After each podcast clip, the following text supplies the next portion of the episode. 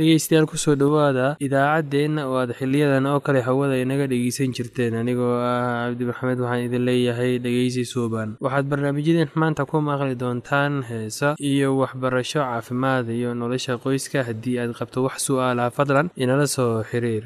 Ciwaankeenna waa radio somaly at yahu dt com. Mar labaad ciwaankeenna waa radio somaly at yahu dt com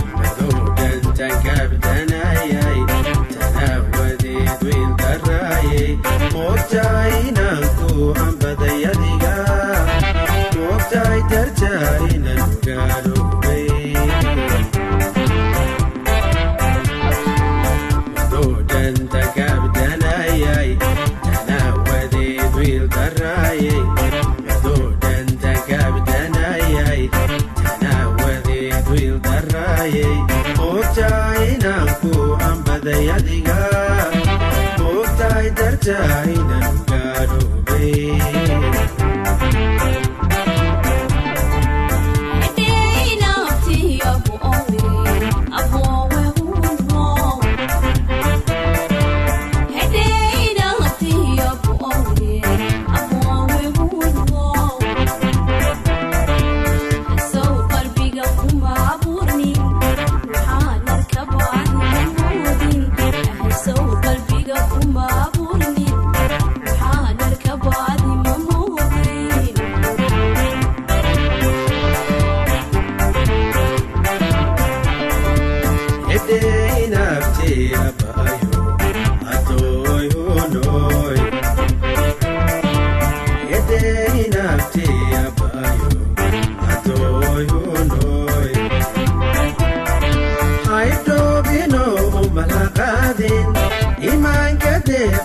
hilmaynin aybtoodino umalaaqaadin imaanka deeqaha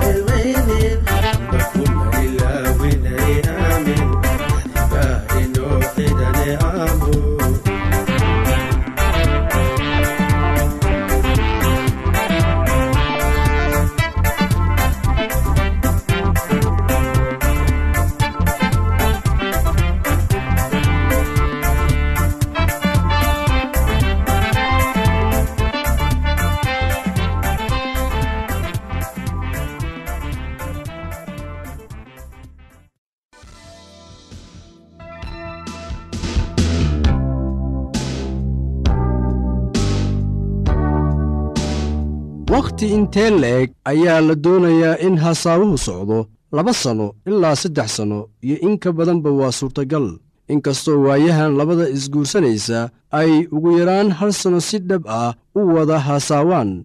Intaa aanay go'aansan inay isguursadaan. Haddii aad tahay qof caadi ah oo aad raadinaysid qof aad guursatid oo aad doonaysid inaad hesho qofkan qaaska ah oo aad rabtid inta noloshaada ka dhiman inaad la qaybsatid isaga hase yeeshee waxaa jira dad badan oo ku dheggan fikradda ah in qofka ay guursan doonaan uu adduunka uun meel ka joogo oo ilaah u qoray taasoo runtii ah mid uu shaki ku jiro. Waa maxay fikradda aad ka qabtid kuwa isguursanaya? Hal qof oo qura miyaa kugu diyaar ah adduunka mise waxaad leedahay awood aad doorasho kaga samaysid dadka aad maalin kasta la kulantid qofka leh dabeecadda wanaagsan oo deggan waxa uu guursan karaa cid nooc waliba ah isaga oo ku faraxsan. Qofka aan waxgaradka ahayn mardhaba ma faraxsanaanayo cid kasta oo uu guursadaba guurku kama yeelayo qofka aan qaangaarka ahayn ama waxgaradka ahayn inuu noqdo qaangaar ama waxgarad.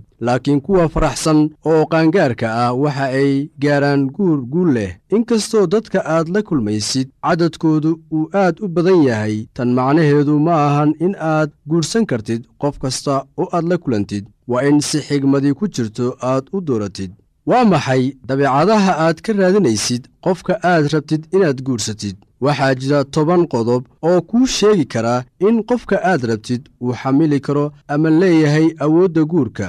Qodobadiinna waa kuwan.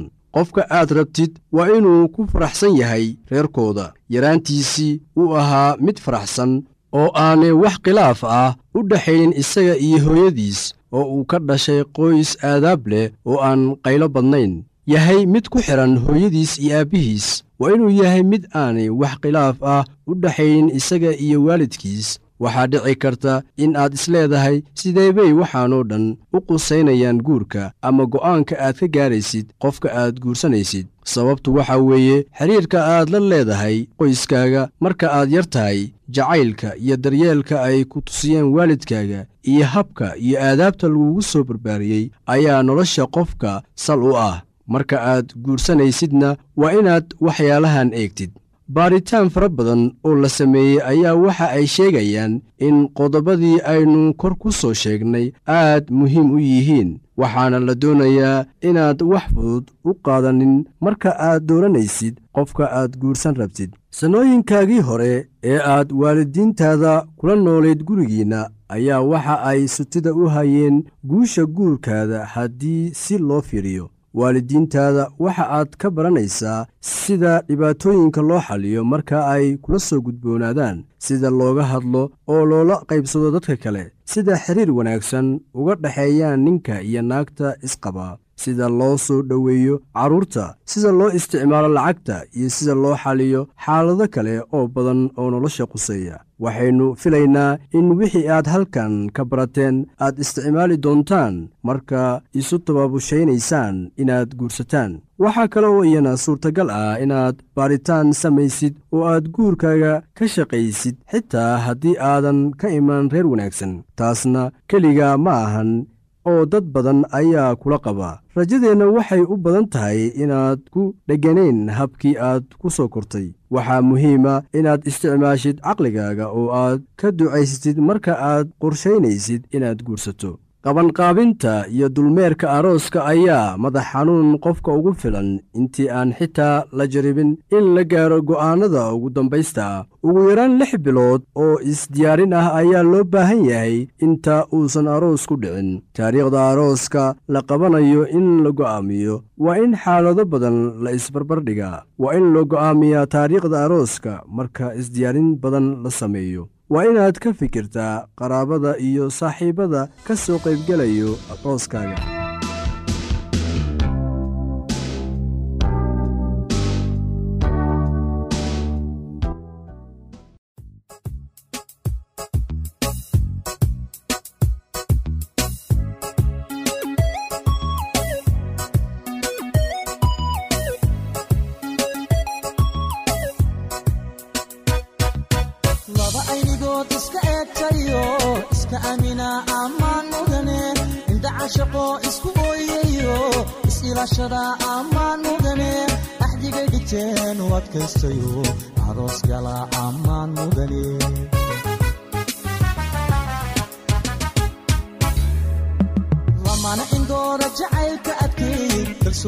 abuura ammaan mudane ahey nasiibku intuu u ekaaday aroos gala ammaan mudane ubax ordino isxaashaqayba allaylehe ammaan mudane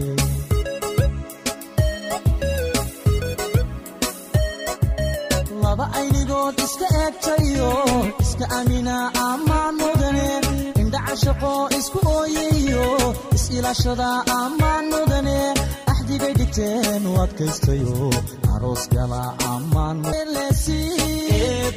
u adeegasi inamiyo gabdhaba addeecasi adamaaligi arsaaqnasi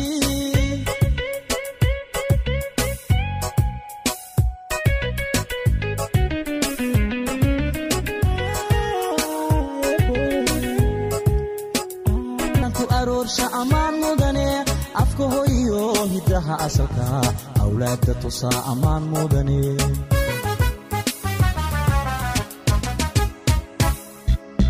laba aramida imtixaanka jacayl u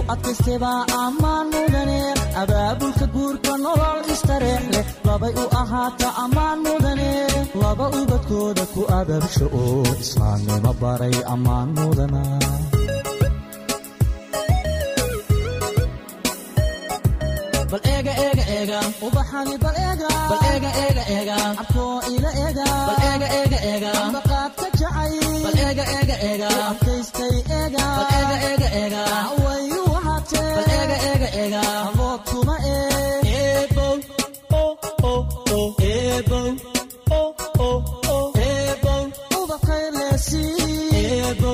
adeegasi eebow inamiya gabdhaba adeecasi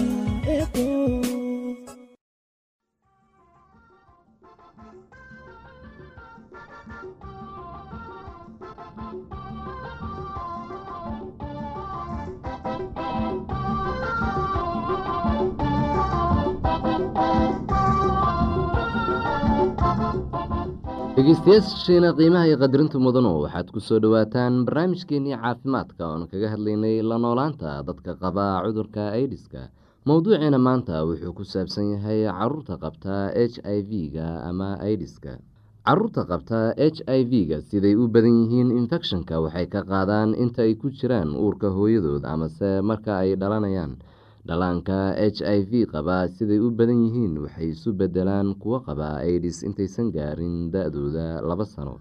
Qaarkoodse waxay ahaadaan kuwo caafimaad qaba ilaa intay gaarayaan lix sano. Caruurta h i v ama aidis qabta waxay u baahan yihiin kalgacayl iyo daryeelid cunto nafaqo leh jawi saxadiisu wanaagsan tahay. Waa in takhtar loo geeyaa marka ay xanuunsadaan carruurta halis ma aha haddii la xambaaro ama laysu duubo carruurta qabta h i v-ga ama aidiska h i v kuma faafo carruurta kaadidooda caliyadooda saxaradooda ama matagooda. Cunug h i v qaba uma gudbin karo infekshanka haddii uu kuwa kale la cayaarayo ama uu la qeybsado waxyaabaha ay caruurtu ku cayaarto caanaha naaska hooyada waa cuntada ugu wanaagsan ee dhallaanka. Waxay ka ilaaliyaan dhallaanka shubanka iyo cuduro badan oo kale. Naasnuujintu waa muhiim. Haddii ay hooyadu ama dhallaanku ama labadooduba qabaan h i v haddii aysan hooyadu aada u xanuunsanayn talaalku aada ayuu muhiim u yahay. Haddii cunugaagu qabo h i v ama aidis waa la talaali karaa waalid h i v ama aidis qaba ayaa qabi karaa carruur saxadoodu wanaagsan tahay. Waayo waxay noqon karaan carruur dhalatay ka hor inta aysan hooyadu qaadin h i v ama waxay noqon karaan kuwo dhashay nasiib wanaag kadib markii h i v haleelay hooyadu. Caruurta saxadoodu wanaagsan tahay waxay u baahan yihiin kalgacayl fara badan mid amase labada waalid ah waa dhimanayaan shaki la'aan waxay noqonayaan agoon. Waalidiinta h i v ama idis qaba waxay caawimi karaan caruurtooda saxada wanaagsan haddii ay waqtigooda siiyaan iyagoo u daryeelaya hogaaminayana ay u sameynayaan rajo. Haddii ay mustaqbalka u hogaamiyaan sidii qaraabadooda ay u daryeeli lahaayeen ama ay u hagaajiyaan mustaqbalka sidii loo bixin lahaa lacagta ujuurada dugsiga haddii ay suurtagal tahay. Waa inaa hantidaada u ilaalisaa caruurtaada iyo qoyskaaga ka hor intaadan dhiman. Qaraabada iyo kuway qusayso oo ka mid ah bulshada waa inay ku dhaqaaqaan u daryeelidda carruurta qabta aidiska hay'ado badan baa jira oo u gargaara laakiinse mas'uuliyadda oo dil dusha iskama saaraan dadka waa inay ogaadaan inaysan qaadin h i v marka ay bixinayaan dhiig laakiinse haddaad og tahay inaad h i v qabtid waa inaadan dhiig bixin. Maxaa wacay? Kadib markii la baaro ayaa la qubayaa. Laakiinse haddaad qabtid h i v ama idis oo aada u baahato dhiig waxaa ka heli kartaa dhiig la soo baaray oo laga soo miiray dad aan h i v qabin dadka qaba h i v ama idis qaarkood waxay aaminsan yihiin in daawo soomaaligu lagu daaweyn karo qaar ka mid ah xanuunyada idisku sababo. Tusaale ahaan dadka qaarkood waxay dhahaan daawada waxaa loo isticmaali karaa cuncunka. Daawo geedoodka qaarkood waa qaali waxaa kuu roon inaad lacagtaada ku iibsatid cunto nafaqo leh iyo waxyaabo munaafac leh. Xusuuso dhakhaatiir dhaqameed jeermiga kama nadiifiyaan sakiimada ay isticmaalayaan. Tan waxaa laga qaadi karaa h i v. H i v ama idis sababta keentaa ma aha sixir iyo waxyaabo la mid ah. Sidaa awgeed ma jiro sixirow daaweyn karaa u tegidda sixirowgu waxay ahaan kartaa qarash fara badan. Waxaa kaa khasaaraya oo keliya lacag fara badan adigoon ka helayn wax caawimaad ah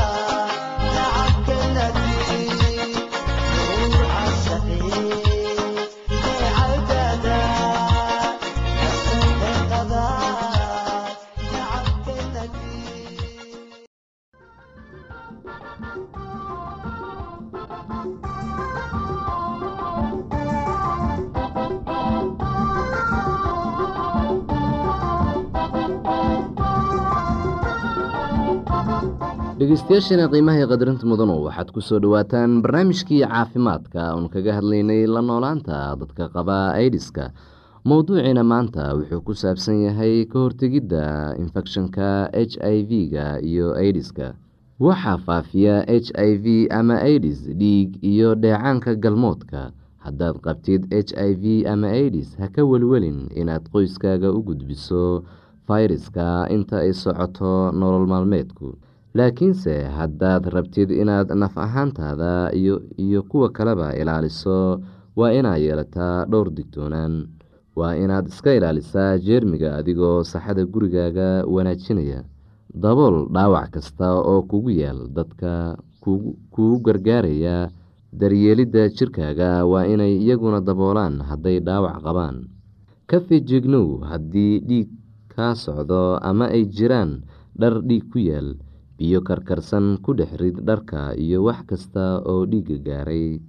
Jeermiga h i v-ga kuma noolaan karo biyo karkarsan iyo markii wax badan uu qoraxda ama meel qalalan u yaal. Waa fikrad wanaagsan inaad ka fogeyso burushka ilkaha ama cadigaaga iyo sakiinta garka lagu xiirto aada isticmaasho qoyskaaga kuwo ka mid ah. Dad badan oo qaba h i v iyo aidis waxay ka helaan xog la tashiga iyo daryeelka niyadda welwelka ayaa ka yaraanaya. Dadka h i v ama aidis qaba waa inay iyagoo xoriyad dareemaya u tagaan culimada diinta ay aaminsan yihiin. Diimaha oo idil waxay leeyihiin ducooyin loogu duceeyo dadka xanuunsada. Wadaadka wuxuu ku bari karaa sidaad xiriir fiican ula yeelan lahayd ilaahay iyo inaad ilaah u weydiisid iyo sidaad ilaah u weydiisan lahayd inuu ka qaado mushkiladda ku haysata. U dhowaanta ilaah waxay kaa caawineysaa inaad iscafiso oood is ogolaatid dadka kalena ogolaatid. Waxay kaloo kaa caawineysaa inaad runta ogaatid oo aad markaas ku noolaatid xaqiiqada. Dadka qaarkiis wuxuu aaminsan yahay in hadalka ilaah uu yahay gargaar weyn. Akhrinta kutubada ilaahay waxay dadku ka helaan fariimo qalbigooda u wanaagsan oo dhiirigelin siinaya. Gargaar ayay leedahay xitaa marka aad qof kale ilaah la baryeysid waxaad la qaybsan kartaa walwalkaaga iyo walaacaaga. Haddaad dareemeysid in lagu takoorayo ha hilmaamin in naxariista ilaah mar walbo kuu furan tahay. Aaminaadda ilaah waxay kaa gudbin kartaa marxaladaha adag daryeelka niyadda wuxuu dadka h i v-ga ama aidiska qaba ka caawiyaa inay wajahaan tijaabooyinka jirada wuxuu xitaa ka caawiyaa inay u diyaargaroobaan geerida. Waa muhiim in loo diyaargaroobo geerida fiicnaan ayaa dareemeysaa haddaad samaysato mustaqbal ama haddaad samaysato ama aada hagaajisato howlahaaga ama haddaad dhibaato ama muranka ku xalisid adigoo nabad ku dhammaynaya waxaa kale oo fiicnaan dareemeysaa haddaad toobo keentid qof weliba geerida ayuu sugayaa. Geeridu waa qeyb ka mid ah nolosheenu. Kulligiin maalin maalmaha ka mid ah ayaan dhiman doonaa laakiin sababta geerida keenaysa ayaa muhiim ah. Waxaa aada u fiican in la geeriyoodo adigoo kula joogaan dad aada jeceshahay haddaad geerida ogolaato walwal la'aan geesinimadaadu waxay bedeli kartaa niyadda nolosha kuwa kaa dambeeya. Sida badan waxaa la ogsoon yahay walwalka aan ka qabno ayaa geerida naga baqdin geliya laakiin waa inaad aaminto ood rumayso ballanqaadyada ilaah